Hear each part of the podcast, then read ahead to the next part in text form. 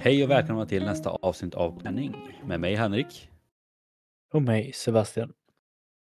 I dagens avsnitt så ska vi prata lite om eh, övningar som eh, folk ganska ofta gör fel eller man tränar dem på fel sätt. Det kan vara tekniskt eller att man inte riktigt har koll på vilka muskler som eh, ska jobba. Och ja, vi ska helt enkelt prata om varför gör folk fel?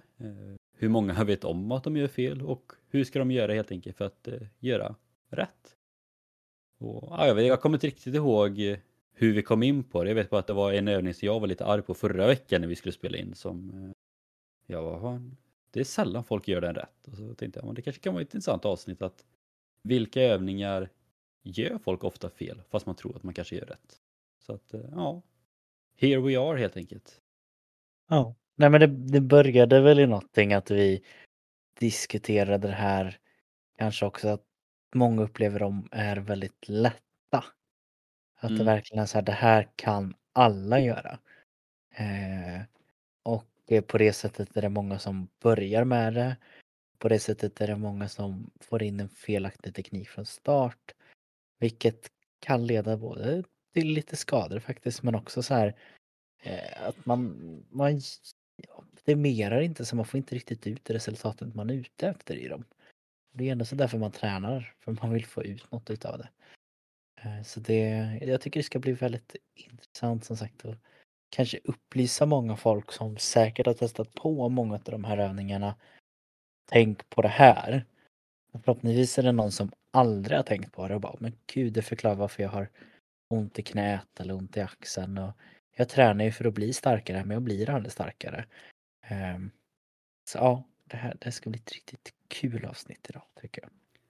Ja, verkligen och det som också är extra kul är att jag och Sebastian har ju ganska olika insyn i det här. Liksom jag, det som jag har valt är mycket kanske för att man själv eh, ja, men kanske inte gjort rätt genom livet och sen också att jag har ju sett mycket det här i skolvärlden och eh, inom fotbollen framför allt. Medan du Sebastian, du jobbar ju med det här dagligen. Du ser de här övningarna, du ser, folk, du ser folk som gör det i perfekt form och du ser folk som kanske aldrig gjort det innan och gör sjukt fel. Så att vi ska inte hålla er, jag tänker vi hoppar rätt in i det och jag tänker fråga, vill du börja Sebastian? Eh, tar min övning nummer ett. Eh, som jag tror kan vara en av de mest gjorda övningarna kanske. Det är antingen min eller en av dina. Eh, men det är eh, anledningen till att jag tror att den är så mycket gjord, det är för att man har kommit fram till att det här kan även unga göra. Så det är oftast någonting som man gör ganska tidigt i både lagidrotter och även liksom när man blir lite äldre och börjar använda vikter och allting. Och även äldre, om det är första övningen de ska göra så är det här en to-go-övning för många. Och det jag pratar om då det är knäböj. Knäböj är ju egentligen till för att träna ben. Det är man böjer på knäleden och sen ställer sig upp. Och på det sättet tränar vi ben. Eh, det som jag tänker kan vara det vanligaste även utifrån i och med att jag ser knäböj väldigt ofta. Man gör egentligen en knäböj i många andra övningar också utan att man tänker på det. Eh, men det är ju att man lägger belastningen lite fel och att knäna får jobba lite mer mot vad de borde. Eh, någonting som blev väldigt populärt när jag började det var att man gick in och pratade om det här, och eh, du får se om du känner igen det Henrik, men att man pratade om att knäna absolut inte skulle gå över tårna. Klassisk. Har du hört det? Ja. ja jag, jag tror till och med att vi, vi lärde oss nog det i gymnasiet. Ja, det är mycket möjligt, men det, det hör man ju fortfarande nästan vart man än är. Alltså jag hör ju det av mina elever också när vi går igenom, bara, knäna får inte gå över eh, tårna heller. Liksom. Det, det känns som någonting som alla har sig. Typ. Ja, alltså det är ju det är inte så att man, nej men helst ska de inte, utan det är många som bara, men gör du det då, då säger det pang och då är knät sönder liksom. Det är nästan olagligt. Ja, men nästan att det, det är väldigt få övningar som folk har en så stark åsikt. Kanske är om man ska liksom få svanka i bänk som kan eh, väcka större debatter. Men alltså knäböjen den är liksom ganska rakt att så här ska du inte göra. Men går man in och kollar på varenda person som gör det. Då går ju knäna över tårna och inte lite utan väldigt mycket. Så det är väl det jag ska prata och diskutera lite om hur man kan då försöka optimera knäböjen. För det första kan vi döda myten om att knäna ska inte gå över tårna. Eh, det enda som sker är att man får upp ut knäna över tårna, Detta kan bli en liten extra belastning på en knäled. Eh, och börjar man att kolla lite mer tydligare i det mesta vi gör i vardagen som att gå, springa, hoppa, kliva, klättra, då, då kommer knät gå över knäleden. Eh, så bygger du inte upp en styrka så att du kan klara av att få knät över knäleden, ja men då kommer det göra ont. Däremot så är jag väldigt för att det kan vara ett jätte, jättebra sätt och med majoriteten utav alla mina kunder som ska lära sig ett knäböj så säger vi då faktiskt att tänk att knät inte ska åka fram så mycket. Eh, för det som sker då när vi försöker att böja höften som det faktiskt är tanken och inte böja knät. Det är att knät är väldigt still på en och samma plats, rörelsen tar ut i höften istället och man aktiverar rumpan mycket mer. Eh, det här kommer också påverka att knäna inte åker in om man blir kobent, vilket också är minst lika vanligt. Eh, men det blir ett annat sätt att belasta lite mer optimalt ifall man vill bygga upp styrka överlag i säte och bål. Um, och för många kan det ibland bli att om man redan har ont i knäna på grund av att man ofta söker en rö saknar en rörlighet i höft eller fotled, ja men då blir det att göra en knäböj där knät går över foten och blir ännu mer belastning, lite för mycket och det kan vara anledningen till varför de får ont. Därför är det som sagt en jättebra början. Det jag skulle kanske säga mer eh, att man ska försöka tänka på för att göra en knäböj korrekt. Det är att ta bort det här att en knäböj är så här. En knäböj ska se ut på det här viset. Gör du inte 90 grader här och 90 grader där och 90, 90, 90. Då, då kommer du gå sönder. Du får absolut inte gå djupare än 90 grader, det är livsfarligt. Du får inte ställa dig bredvid, alltså så här. Nej, vi, vi kommer att se olika ut. Vi, vi kommer då helt enkelt också göra övningar olika. Vi är inte samma personer och det kan vi alla komma överens om. Och därför kommer knäböjen att se olika ut. För mig är det viktigaste när ni ska göra knäböj som ser så enkelt ut är att försök att utmana hellre i djup än i vikt. För det kommer du tacka dig själv om inte nu om flera år. Försök att tänka på att knäna inte åker in för mycket mot varandra för då blir det en liten Ja, det är inte jättefarligt men du kan optimera och aktivera utsidan av rumpan lite mer. Och sen så är det så många som bara tänker på benen så de faller ihop och låter ryggen få bära det mesta. Och ryggarna får göra rätt mycket ändå så de kanske inte behöver känna även i knäböjen. Utan rumpan kanske behöver göra sitt. Mm, så sträcker du på dig, trycker ut knäna lite lätt. Knäböjer så som du tycker känns bra.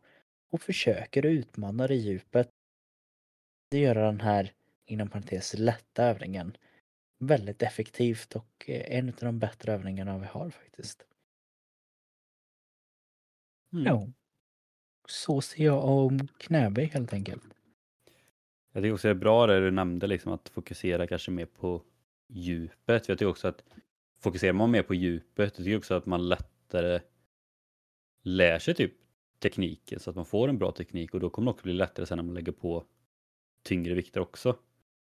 Eh, men det är väl som de flesta övningar kanske blir återkommande här också eh, senare avsnitt också. Men det är väldigt många som fokuserar så mycket på antal eller vikt och då kanske inte gör det optimalt istället. Och då kanske man inte får så bra träning av det heller. Eh, och nu vet inte jag som sagt exakt hur det ser ut men jag vet ju framförallt inom fotbollen när vi har kört eh, knäböj, liksom det absolut vanligaste är just det med eh, inåtfallande knän. Att man tänker inte, man, man står ofta, för det gör man också på många man står liksom med raka fötter ganska tätt ihop och så kör man knäböj och faller upp med knän inåt direkt. Men många förstår också ganska snabbt när man bara säger men stå lite mer utåt, pressa knäna utåt hela vägen. Och ja, Då förstår de det ändå ganska snabbt och de märker också stor skillnad. Så att det är väl också den vanligaste som jag ser när jag har kört det med mina adepter. Ja, med, med små medel kan du göra övningen rätt så mycket roligare snabbt för att du blir starkare helt enkelt. Eh, Så det, det är alltid kul att känna sig stark och dessutom känna att man ökar säkerheten och allt annat lite också. Så är det ju. Och sen kan ni också testa då utifrån förra veckans avsnitt frontböj också. Och kan ni gå in och lyssna på det. Ja, där har vi min första eh, övning helt enkelt. Eh, så jag tänkte att du kanske ska få ta din första. Och min första, som Sebastian nämnde då, de vanligaste övningen är väl hans knäböj eller den som jag ska ta nu. Och det var väl den övningen som skapa hela den här idén egentligen. Alltså, alltså övningar som många gör fel. Och det är ju då en av de mest klassiska övningarna som alla har gjort någon gång i livet i alla fall. Sit-ups. Eh, övningen, man jobbar mycket med bålen, framförallt de raka magmusklerna. Och som alla som vill ha sixpack tänker att ja, men då ska vi bara mata massa situps. Men beroende på hur man gör dem så kan det vara väldigt många som känner att jag får inte så mycket träningsverk i magen. Och jag tror att jag själv också har gjort situps fel egentligen majoriteten av livet. Ehm, och mycket hänger egentligen på att man, man får inte den kontakten i magmusklerna som man vill ha när man gör situps. Utan man använder väldigt mycket andra delar av kroppen för att komma upp. Och lite som jag nämnde på Sebastian så är det att väldigt mycket fokus kommer på just eh, vikt eller antal i övningar. Och i situps är en sån övning. Man ska göra 10 situps eller man ska göra så många man hinner på en minut.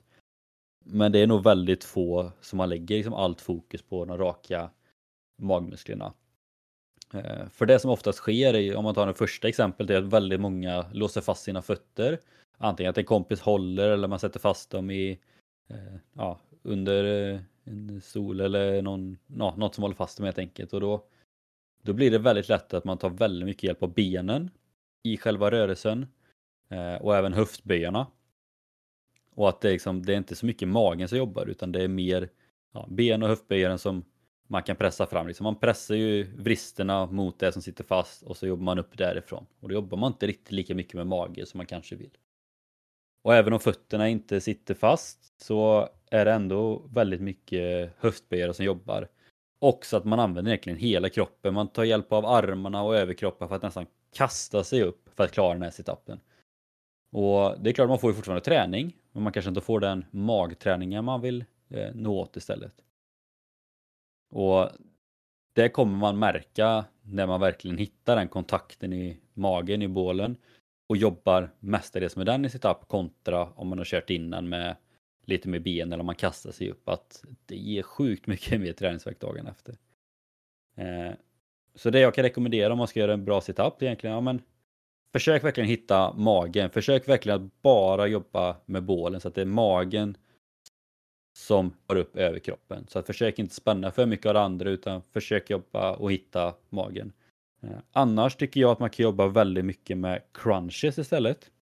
Och crunches egentligen, man kan säga att det är början på setup eller liksom en liten setup och det är att man egentligen bara eh, ja, men, man lyfter axlarna och den övre delen av ryggen. Så egentligen bara, ja, men, man kommer upp så att man trycker ihop magen lite men du ska liksom inte upp så mycket utan du bara trycker ihop magen, släpper, trycker ihop magen och släpper. Och den har jag börjat jobba väldigt mycket med det senaste för jag tycker att jag får bättre kontakter och då tycker jag också att jag får mer träning i magen. Eh, så det kan ni testa istället till en början, att bara jobba med de här små rörelserna. Och sen när ni känner att ni har bemästrat den, ja, då kan ni testa att gå lite högre upp. Så fort ni känner att ni tappar liksom bålen, om det går ner, ner igen. Så ta det liksom steg för steg, se till att vi hela tiden har kontakt med bålen så att den jobbar. Eh, så slipper ni använda hela kroppen och så kommer ni märka att ni kommer få en mycket starkare eh, mage, my, raka magmuskler genom att hitta kontakten i den. Än att försöka använda hela kroppen och bara kasta sig upp. Det är bättre att göra färre och ha kontakt i magen än att göra fler och bara räkna antal. Skulle jag säga. Mm. Mm. En, en övning som, som på ett sätt kan kännas rätt. Även om man gör fel, tänker jag. Det är väl det som gör den svår tänk, för många som vill göra den liksom.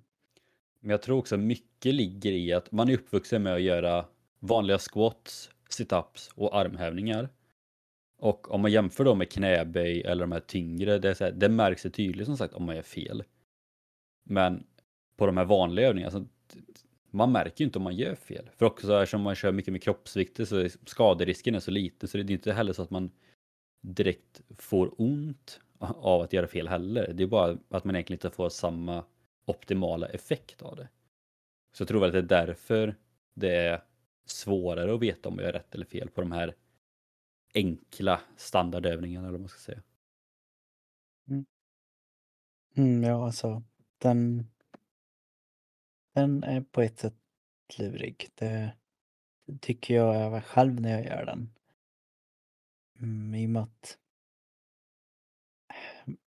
det känns verkligen inte som man får ut någonting. I och med att den, den blir så tydlig att man gör som en halv rörelse. Och det är väldigt gärna jag också liksom tänker så här, men det är klart att jag ska göra en hel situps. Jag gör det på riktigt. Istället för göra crunches. Mm. När jag kanske egentligen om, om jag någon gång haft en utmaning där jag kanske ska göra rätt många situps och de här sista många repetitionerna kanske jag borde gått över till crunch. Om, om jag ska vara ärlig för att det skulle ge mer och inte se så coolt ut. Men man gör inte det för det, det, det är ju situps som man ska göra liksom. Eh, så jag tycker den är rul, eh, rul, lurig och eh, klarar av faktiskt. Men den är bra, ordentligt bra när man gör den rätt och korrekt liksom. Verkligen. Men jag tror också det är intressant det du pratar om det, så att det kanske inte ser lika häftigt ut med en crunch som en setup. Eh, och det alltså en crunch ser ju ganska ja, löjlig om man får säga så jämfört med en setup. Men jag, som sagt, jag kör ju den också mycket mer bara för att alltså att köra jag, jag känner att jag nästan får mer effekt av att köra säg ja, men 50 crunches eh, fördelat på olika sätt kontra 50 situps. Och det är också så här, ja men ja, det kanske inte ser lika tungt och häftigt ut, men för mig ger det mycket mer och då är det mycket bättre att köra det. Men man kan inte annat än att, än att hålla med.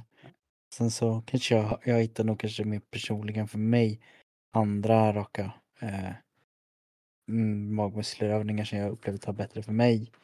Men just crunchen och situpsen den är ju det är så många som har liksom sett den i tidig ålder som gör att de känner sig ganska säkra i den. Och det är väl det som är, är bra med den, att man ganska snabbt kan få en, en ny person och våga testa på den i alla fall. Den som du säger, mm. och knäböj och något annat. Så det, den är klassisk och bra av en anledning tänker jag. Ja. Och innan vi går på nästa vill jag också bara lyfta liksom det att tyvärr måste jag säga det på ett sätt med de här klassiska standardövningarna som sagt, ja men situps, armhävningar, vanliga squats och allt sånt där. Det, det har man gjort framförallt i idrotten eh, sen man var 7-8 liksom. Ja, men man har gjort det varje vinter eller sommar för er som spelar handboll.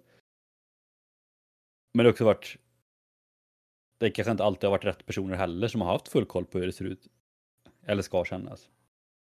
Eh, och det är klart att lär man sig någonting när man är i den åldern då fortsätter man köra på samma sätt när man blir äldre. Och lär man sig aldrig något nytt då, men då kör man ju på samma sätt. Så att det är väl också därför de standard lätta övningarna är lite, ja, inte farliga, men man tänker ju aldrig på att lära sig göra dem rätt heller. Nej. Eh, men nästa nu då, och det var ju faktiskt någonting som vi hade gemensamt som vi båda funderade lite på. Ja, vi tyckte det var ändå lite svårt att komma på bra övningar och sen både när jag och Sebastian började komma på lite övningar så insåg vi att de hade ju ändå en gemensam nämnare Eh, Eh, och det är egentligen lite fortsättning du har på setup, så det är, det är bålövningar överlag. Eh, vill du börja hur du tänkte kring just bålövningar där? Ja, eh, jag kan prata väldigt allmänt utifrån syn när jag frågar kunder som jag tränar med. Nu, nu har jag ju väldigt många igång för tillfället, vilket betyder att fyra, fem gånger per dag så ställer jag frågan Känner du i magen? Och just den frågan är ju verkligen så här så svår för dem att ta på. Det är så eh, eller, ja, eller ja, eller det, det, det är klart att det känns, eller jag, jag tror det. Medan om man frågar i andra eh, tillfällen så säger man känns det i armen? Ja. Känns det i axeln? Ja. Känns det någonstans i benen? Ja. De kan lite mer ta på det. Enda gången som man får känns det i magen är när man kanske har gjort crunches eller fällknivar och sånt. Där de känner en trötthet i magen. Men att hitta en kontakt i magen, där är det otroligt svårt. Och det här är någonting som jag tycker finns med eh, långt in i ens träningsresa. Och även om man är jättevan så kan det vara svårt att koppla på magen så mycket som den behövs i vissa övningar. Och det är väl där jag upplever att det egentligen kan gå ut över nästan varje övning. Allt ifrån en ren bålövning till en knäböj har du på magen. Jag tror det. Eh, och det är väl så som jag liksom hade ganska svårt att säga den, den här övningen. Eh, för att bålen är med i allt som vi tar upp idag, allt som vi någonsin kommer ta upp i träning. Är inte bålen med, ja men då kommer det inte riktigt göra övningen helt rätt. Eh, så ett jättestort ämne, svårt att liksom säga det här är varför den är med, men den är med i allt kan man också tänka, så det är därför den är så viktig. Jo men precis. Och det är, det är väl lite det jag tänkte också just det här men precis där du börjar med. Att, känner du något i bålen eller hittar du bålen? Ehm, och det var ju det jag började tänka på med så här situps. Ja, men personligen kanske man inte alltid gjort situps där man har känt just i magen. Så jag började tänka också någon klassisk här övning, men plankan. Eh, väldigt få där också egentligen får kontakt med bålen. Många tycker snarare att det gör mer ont i armarna, axlarna för de liksom lägger all press det är. Eh, samma sak med till exempel toaster bar som gör sig väldigt mycket nu för tiden. Eh, där kan jag också komma på mig själv fortfarande ibland när jag mer ja, men, använder hela kroppen för att rotera uppåt kontra att det, liksom, det är magen som ska få upp underkroppen. Och det är väl mycket som med bålövningar, att det är väldigt lätt att lägga över kraften och fokuset på resten av kroppen för att liksom göra själva övningen. Och då blir det kanske att man inte tänker på det heller. Men ofta när man tränar bål och mage så vill man ju träna bål. Eh, så att kort och gott är det egentligen bara det du sa till början. Men oavsett vilken övning det är, alltså är det verkligen fokus på att hitta bål och mage, men hitta den först och sen gå vidare. Men även på alla övningar, samma sak som sagt, knäböj, marklyft, alla de här. Alltså försök verkligen hitta bålen, koppla på den. För att det går nästan inte att understryka när man väl har lärt sig hitta den, hur mycket lättare och hur mycket bättre man kommer bli i stort sett i alla övningar. Så att det är inte jättelätt. Jag har fortfarande svårt ibland på vissa övningar att hitta bålen, men när man har lärt sig det så är det rätt god känsla ändå. Mm. Jo, men jag, jag tänkte nästan dra det så långt att hitta det bålet så blir hela livet enklare. Ja, men faktiskt. För det, det kan låta jättetöntigt, men allt du gör, antagligen majoriteten av smärtorna som du har, det blir inte bättre i alla fall utav att bålen är helt avslappnad och bara låter det hänga när du sitter och jobbar eller det står konstigt eller lyfter konstigt. Eh, min tanke bakom varför det är svårt att lära sig hitta magbål det är för att inte ens de som ska veta hur man kopplar på magemål är överens. Det är väl det som kan vara fördelen med en knäböj, att en knäböj ska vara roboträtt. Med magebål, nästan vilken man än frågar så spänner alla magen på olika sätt. Och det är väl det som jag tror skapar en förvirring kan jag tänka mig. Mm. Hur, hur tänker du till exempel när du ska spänna magen? Alltså det är också, tycker jag, kan vara svårt ibland. Men som sagt, alltså just, ta till exempel plankan. Där kan jag tycka att det kan vara skitsvårt att liksom hitta och spänna bålen. Det är, liksom, det är ett litet läge där man varken är för långt ner eller för långt upp med höften. Där kanske jag känna bara, men här har jag den. Men bara någon sekund senare känns det som att man har tappat den. Men ska jag till exempel köra knäböj. Jag vet inte varför, men där blir det bara som, att där blir det snarare stabilitet neråt istället. Um, om du fattar. Alltså när man kör plankan, mm. då har man liksom magen mot backen. Och då känns det som att det är en större yta man måste hitta. Medan om man kör knäböj, om då har du ju magen framåt, alltså att tyngdkraften går neråt. Då tycker jag det är lättare just för att det känns som att om man spänner man liksom magen, sidan, ryggen, då har jag kontroll på skivstången. Det tycker jag att det är jättelätt för mig och det är egentligen bara så här, men känner jag att jag har kontroll på skivstången och kan gå ner, ja men då har jag kontroll på bollen också. Även om jag kanske inte känner det jättemycket. Medan det är då plankan som man ska känna mycket, det är verkligen så här, ja men det, det är en liten så här, ja men nu har jag den här graden där jag känner bollen, men sen tappar jag den lika lätt och då blir det också så här svårt nästan att hitta, ska man lägga fokus på att hitta den igen eller ska man hitta fokus på att bara stå så länge som möjligt? Så att, eh, det är verkligen olika, olika till olika övningar. Eh, men mycket egentligen bara försöka tänka samma när med dynamiska toasterbar till exempel. Det är en lätt grej för mig att bara, men har jag blicken framåt, då känner jag att jag får på mycket mer bål kontra om jag följer med nacken och bålen bakåt när man roterar upp. Liksom. Där känner jag att jag tappar den totalt. Eh, så där har jag också hittat en sån grej, men blicken framåt bara, då får jag på bålen. Eh, så jag tycker att jag försöker hitta lite sådana småknep. Liksom. Att, ja, men, när jag gör det här eller när jag har en, tittar på det här eller när jag fokuserar på det här, då hittar jag bålen. Så vi försöker hitta någon sån liten grej på varje övning typ som man känner att nu har jag kontroll. Mm. Den, eh, den är krånglig, punkt. Det är i och med att den också påverkas av de andra lederna som är nära liksom, hur, hur de hanterar gör att det kan bli enklare eller svårare att koppla på magen och bålen i vissa övningar. Men jag, jag tycker den är, den är komplex. Eh, den är, i och med att det är olika om folk spänner ut eller in naveln, trycka ner och trycka uppåt. Alla har sin egna sätt att spänna den. Det kommer säkert aktivera olika. Och det kan liksom, det kan ta tid, riktigt lång tid. Jag, jag kan ta som exempel, jag har en kund jag har kört med ett år. Jag liksom har stirrat mig blind på att det, det, ser ut som den liksom får som nästan ett, ett väck eh, bak till på bålen, alltså ryggen. Som vi inte riktigt bara kan aktivera. Och jag tycker mig tänka mig att det kommer från magen, att vi inte får på den ordentligt. Det är därför de kan böja i den. Men det är liksom, det, det är svårt. Uh, jag tror vi har pratat, där vi pratat om magen. Det jag tänker som tips allmänt här också för att hitta bål överlag. Det är att du måste ha koll på andetagen. Uh, mm. Och det, det, är väl egentligen det enda som jag tror att många är överens om nu för tiden. Att har du inte koll på att du kan andas med magen kommer du ha jättesvårt att aktivera magen. Sen så finns det massor med olika sätt hur man ska andas och vilket sätt man ska andas. Men hittar du något sätt för dig som gör att du kan andas med magen och lugna ner dig innan du ska köra magövningar.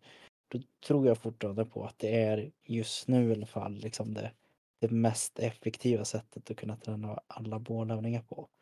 Andas först, gör sedan övningarna. Nu har jag, det här, det här är en ren killgissning, du får säga det som du jobbar med, jag tänker du kanske ändå har lite koll. Men jag tror också en anledning till att det är väldigt svårt att koppla på just bålen. Därför om man tar typ alla muskler så använder vi dem typ hela tiden. Men också så här, vi vet ju typ hur de funkar. Det är samma sak, men vi vet hur biceps funkar om vi ska lyfta upp någonting. Därför vet vi hur vi behöver ta i för att få, hitta fokus där. Samma sak i framsida lår, baksida lår och allting. Bålen är snarare det är klart vi vet hur den ska röra på sig, men ofta när man rör bålen så är den kanske lite mer neutral och avslappnad.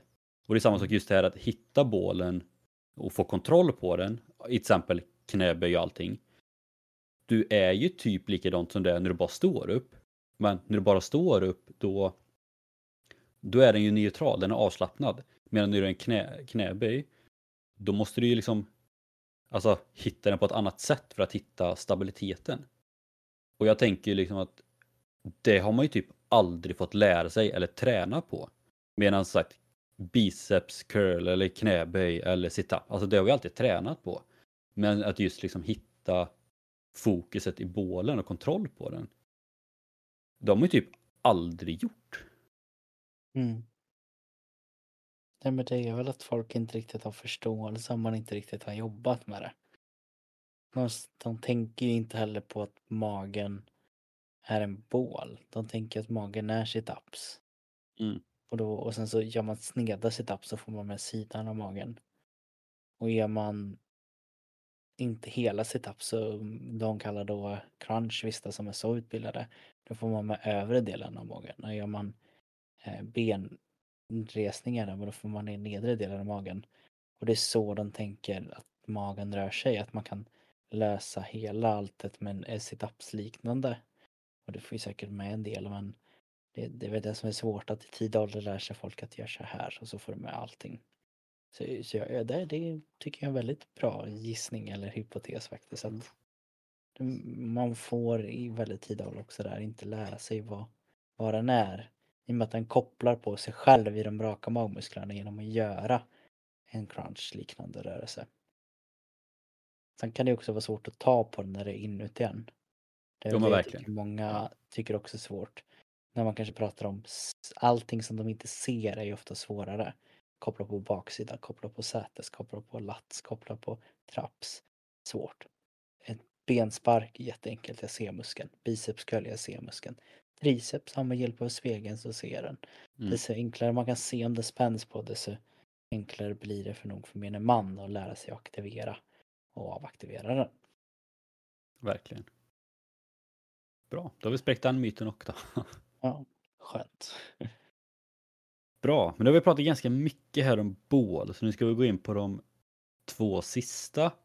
Och ja, men det är också lite, ja, ja, men lite liknande är de ändå, fast ändå väldigt olika. Men eh, nu går vi in lite mer på överkropp, så jag tänker att du ska få dra din eh, sista här nu Sebastian. Och det är, när du sa den till mig så kände jag bara, ja just det, det, ja, jag visste precis vad du menar. Mm. Jag har ingen cliffhanger på denna. Det är biceps girls helt enkelt. Eh, när man börjar lära sig att bygga då kommer den oftast med väldigt mycket. Eh, och det är väl också en sån övning som kan kännas rätt så att man gör rätt även om man inte gör det. Men det finns även rätt så mycket forskning att man kan fuska i den, vilket många använder som att jo men det, det är progressive overload eller vad de säger och så har de lärt sig det ordet från någon TikTokare liksom. Men det som sker i en biceps curl för många är att man börjar använda mer rygg och axel än biceps. Mm, och det har man gjort övningen, men då, då kanske man kan tänka sig enklare in det. Men jag ska försöka förklara någon som kanske inte gjort det så mycket eller ens vet vad namnet är. Man ska alltså liksom böja armbågsleden och föra handen från att vara utsträckt med fingertopparna pekade neråt. För sedan lyfta upp handen så att man kan tänka att fingertopparna pekar uppåt. Men det är armbågsleden som har böjt i sig. Man gör en curl så, som det heter. Eh, gör man den, då, då är det biceps som ska dra upp den och sen så även sänka ner den. Eh, är, den ju med. Då är triceps ju med och extenderar den, alltså sträcker ut armbågsleden. Men det som oftast sker det man ser många på gymmet är att de står och gungar, man nästan ser hur de äh, drar till axeln lite bakåt när de ska göra den övningen. Vilket då egentligen blir en liten, liten roddrörelse som man använder. Alltså ryggen kopplas på. Eh, anledningen till att det sker det är att det är väldigt mycket, mm, vad ska man säga, macho att lyfta tungt i en bicepscurl. Det ser ganska häftigt ut. Många kan fråga först bänkpress, vad tar du där? Sen så brukar man alltid säga, vad curlar du då? Så det är väl därför många tycker det är kul att lyfta tungt i den. Eh, det som egentligen sker är att du inte tränar biceps efter ett tag, utan du tränar rygg. Kanske till och med ben och mage för att du svingar upp dem så mycket. Det som kan ha gjort den lite svårt är att mm, det har kommit lite spekulationer om att man kan fuska den upp. Även jag använder det. Att jag liksom kastar upp dem lite mer. Istället för att Fuskar lyfta du, upp dem. Sebastian? Jajamän, det gör jag. Men då är det också att man ska försöka och kanske kompensera det här lilla kastet med att försöka bromsa vikten ner lite tydligare. Eh, Även, sen så kan man då också tänka så här att men de skulle orka göra 10 curls eh, strikta men du vill göra 15. Är det bättre att göra 5 till eh, med inte någon existerande teknik alls? Eller är det bättre att sluta vid 10? Och där är det också olika vad man tycker. Mm, men den är liksom vanlig att många i princip inte tränar biceps. Mm. Och jag som kanske också är en person, jag tror inte jag nämnt det i podden. Jag vet inte om du kommer ihåg det, men jag har ju alltid haft väldigt svårt att koppla på biceps. Jag kan ju nästan känna i triceps för några år sedan när jag körde bicepscurl. Blev mer trött i triceps än i biceps liksom. Eh, och det är ju liksom en av faktorerna till att jag hade väldigt svårt att låsa skulderbladen. Även om jag försökte göra det så tappade jag dem hela tiden vilket gjorde att jag gungade lite ändå på något sätt. Eh, vilket gjorde att det tog ganska lång tid för mig att bygga upp en någorlunda styrka i biceps. Det var först när jag tränade väldigt mycket baksida axlar som jag kunde få ett större hopp i progressionen i biceps, eh, curlsen igen. Men också en övning som många kastar sig in och bara gör och tänker nu gör jag rätt, nu lyfter jag tungt. Men det, det är nästan jobbigt ibland att gå runt och se eh, hur många som gör inom parentes fel i den. Det kanske är så att de har jättebra förståelse över anatomin och kastar upp den för att bromsa och jobba med supersätt och droppsätt, ja då är det jättebra. Eh, och de kanske inte riktigt bryr sig om att det ska vara rätt och då är det jättebra också. Men den, den är lätt att göra fel i, det kan öka skaderisken för axlarna också. Mm. Biceps curl är en sån övning som, jag vet inte varför, men jag skulle nog kanske säga att det, det kanske är den övning av alla övningar som jag känner att jag får bäst kontakt i muskeln på. Eller som jag verkligen hittar ordentligt. Mm. Och jag vet inte varför, för det är inte så att jag har kört jättemycket bicepscut genom hela livet. Men det är bara så att när jag väl lärde mig det så fick jag till typ tekniken direkt. Mm. Så kan det vara. Eller så biceps allmänt på mig är en muskel som jag hittar lätt. Jag vet inte, men det, det är verkligen sånt som jag i stort sett Ja, det är säkert olika. Det tror jag. Du har ju rätt så bra väl, välformade biceps. Jag kan säkert tänka mig att du har. Oj, tackar, tackar. Ja, tackar, tackar, tackar. Men alltså skämt åsido, du har ju det. Nu vet jag inte om man tänker själv på det. Men det kan mycket vara så att du, kroppen är gjord rent hur lång armbenet är och axeln. Alltså så här att du, du bara ja, så här lagom hävstång och allting. Liksom. Ja, men det, det, kan ju vara något sånt att du liksom har optimalt och det är därför du känner det. Mm. Eller säger det som du säger, att det bara är att du lärde dig väldigt, väldigt strikt från början liksom. Ja men för det är verkligen så. Jag känner verkligen att ja, men jag får bak axlarna, spänna skulderbladen och verkligen kan jobba med biceps. Och det, det är så kul att ha en sån övning. Sen kanske det är lite tråkigt att det är just biceps som jag kanske inte jobbar överdrivet mycket med. Fast det är ändå en viktig muskel för mig med det jag mm. håller på med. Men, men det, är, det, är som, det är så kul att ha en sån övning verkligen känner att man hittar den. Uh, sen kommer jag också ihåg, jag vet inte om du var med på den lektionen eller om du hade nio då, men jag kommer i alla fall ihåg när vi gick igenom mycket av det här, då var vi i aerobicsalen. Och så vet jag, jag blev nästan så här klassiskt utpekad av läraren. Henrik kom, visa. Hur gör man en bicepscurl? Eller hur gör du en bicepscurl? Och det var nästan som att säga att hon ville ju att man skulle göra fel så hon kunde sätta dit den. Uh, och det var också så här, då kanske man har gjort det någon gång innan. Men då kommer jag också ihåg, ja, men de var inte perfekt, men gjorde det ändå helt okej. Okay. också, ja, men jag lyfter upp den bakom axlarna och lyfter så här. Liksom. Men det kommer jag heller aldrig glömma. Det är sånt, sånt sitter i minne. Just att bicepscurl kommer alltid kopplat till den lektionen. Just för att man blir så här utpekad och var tvungen att stå och visa för hela klassen. Bara, Visa nu då. Ja, hur gör man det? Hur gör man det bicepscurl? Ja. Så det kanske är därför också som jag känner att jag får kontakt. För jag har liksom ett trauma så jag vet att jag måste göra rätt hela tiden. Du måste göra rätt annars blir du utskrattad. Ja, precis. Annars var jag F i kursen. Ja, Nej, men en bra övning. Ja, bra. Bra, kul att göra. Ja. Uh, fler borde göra det ändå tror jag. Jag som faktiskt vågar. Jag tror många är rädda för att den här klassiska, gör jag bicepskurs och vaknar upp med, med bodybuilding-armar. Ja, eh, ja, men lite. Uh, och det är nog därför många kan ha rätt mycket problem med vissa andra saker. Men jag tycker man borde göra den. Den är kul, den är viktig. Ja. Men alltså ser man i vardagslivet hur ofta lyfter man inte saker och använder bicepsen. Liksom. Det, gör, det gör man ju dagligen. På ett eller annat sätt. Så att... Och det är också, också egentligen en lätt övning man bara kan göra hemma. Bara hitta något som väger någonting. Kör. Mm. Ja, det var min sista. Vilken är din sista övning som du vill dela med dig av idag? Min sista jobbar också lite med biceps och lite delvis med rygg och ja, det kanske inte är att jättemånga gör jättefel på den, däremot fuskar alla när de gör det. Så det är därför jag tänkte att nu, nu sätter jag på plats. Nej. Nu får de skärpa sig helt enkelt. Ja, lite så. Nej, skämt de, Den sista jag har valt är ju eh, chins och pull-ups. Eh, beroende på vad man kallar dem eller hur man gör dem. Och mycket det går också lite in när vi pratade i början just det här med vilka muskler vill man ska jobba. Jag tycker pull-ups ofta är lite lättare att man verkligen, ja men där jobbar man mycket med biceps liksom. Chins kanske är lite svårare, att man vill få med lite del av ryggen. Eh, man kanske inte får det på rätt sätt och eh, det är ju någonting som jag har pratat väldigt mycket om i podden det senaste året just för att jag kunde göra det eh, mycket hemma och gjorde det nästan varje dag. Och det som många egentligen gör fel, om man nu kan säga att det är fel, det är ju liksom att man man går inte hela vägen ner och man kanske inte går hela vägen upp utan man, när man väl kommit upp så går man ner en decimeter och sen går man upp igen och sen är det med att man sträcker på hakan för att få upp den. Eh, återigen, det blir nästan mer fokus på antalet än att eh, göra det rätt. Eh, och sen är det sagt, det är helt beroende på vad man anser är rätt då, men eh, enligt mig då så ska man kanske gå hela vägen ner och hela vägen upp för att få så bra effekt av det som möjligt. Sen om man bara går halvvägs, kanske ner till 90 grader. Alltså utifrån hinderbanan som jag håller på med så är det också ganska bra egentligen att göra det då det är mycket man ska hålla i 90 grader så då blir det bra träning så sätt.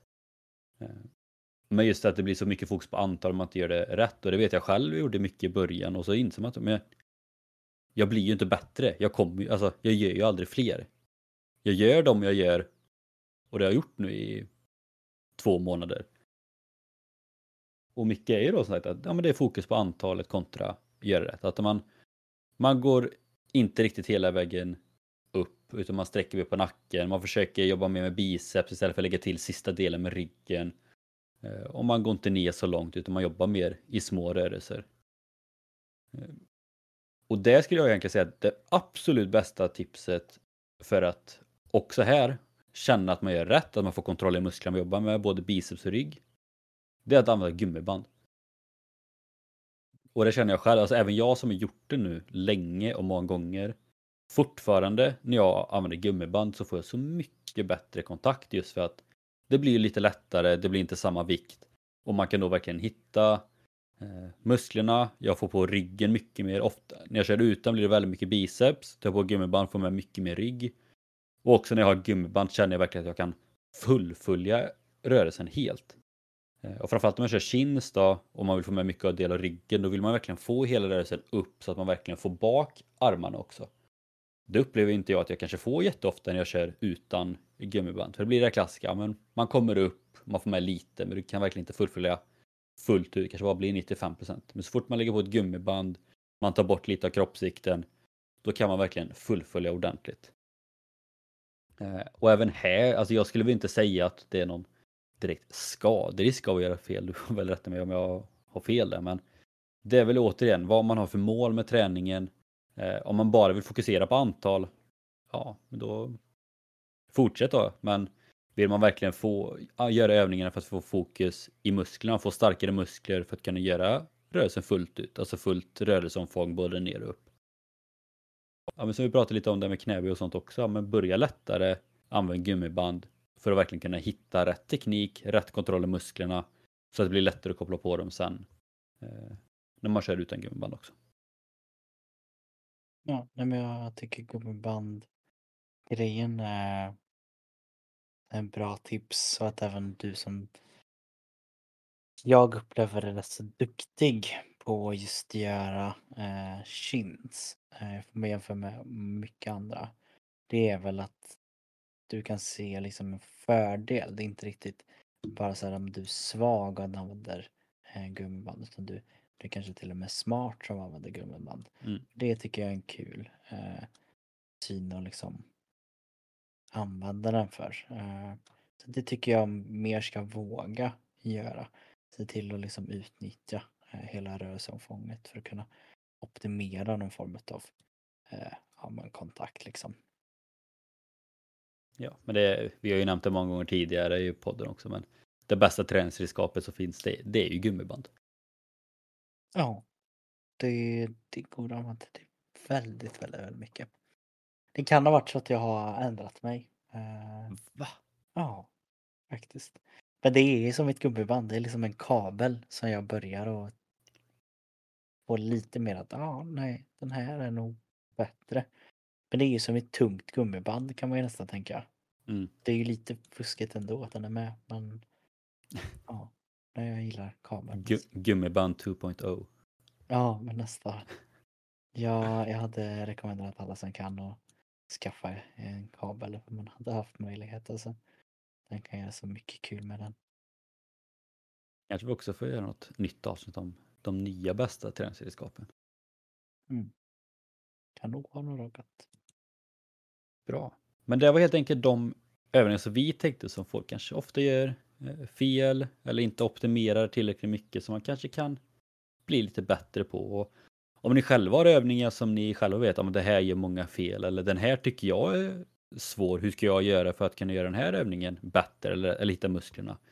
Skriv till oss. Det hade också varit intressant att göra ett avsnitt om liksom, era eh, ja, men förslag på övningar som ni vill bli bättre på och se om vi kan eh, Eh, prata om dem, kanske kan lägga ut lite klipp på vad man ska tänka på och liknande. Så, och det gör ni då som vanligt lättast på ett traning podcast på Instagram. Där det nu också finns eh, från förra veckans avsnitt eh, push pull lägg upplägg. Övningar som man kan göra för att träna då på ett bra sätt för att få med hela kroppen och hur man kan träna hela veckan utan att trötta ut samma muskler helt enkelt. Perfekt ju. Det är det man vill kunna höra när man eh, går in på en Instagram tänker jag och får inspiration och det är ju egentligen det enda vi vill göra där. Jag har ju också sagt det sista här nu och teasat lite tycker jag när det Ja, kan vara det. Mm. att eh, det kan komma riktigt roliga saker på Instagrammen som jag tycker att man ska egentligen se till att bara gå in och följa. Gör inte det då förut kan jag liksom Nej, jag kan inte acceptera att ni har gjort det. Men jag, jag kan ha förstått varför ni har gjort det. Eh, men nu med det här nya roliga, alltså det, det kommer komma så mycket kul framöver som det bara behövs följa helt enkelt. Så gör det nu med en gång. Eh, direkt efter avsnittet. Jag lovar att du inte kommer ångra dig för det som komma skall helt enkelt. Sen hoppas vi också, ja vi får se om vi kan droppa det innan årets slut, men vi hoppas ju kunna få en ganska som vi kan släppa en liten bomb eh, som förhoppningsvis kan revolutionera podden lite. Ja, det, jag kan mycket väl tänka att vi pratar om samma. Men jag, att jag Jag tänker att vi släpper det på Instagrammen i så fall. Ja. Eh, först. Så får lyssnarna höra det sen. Yes, det låter som en bra plan. Mm. Så in och följ oss där, at Podcast. Annars tänker jag att det är som vanligt med de orden så tackar vi er som lyssnar. Vi är otroligt tacksamma för det. Och eh, vi hörs nästa vecka helt enkelt. Det gör vi. Ha det gott.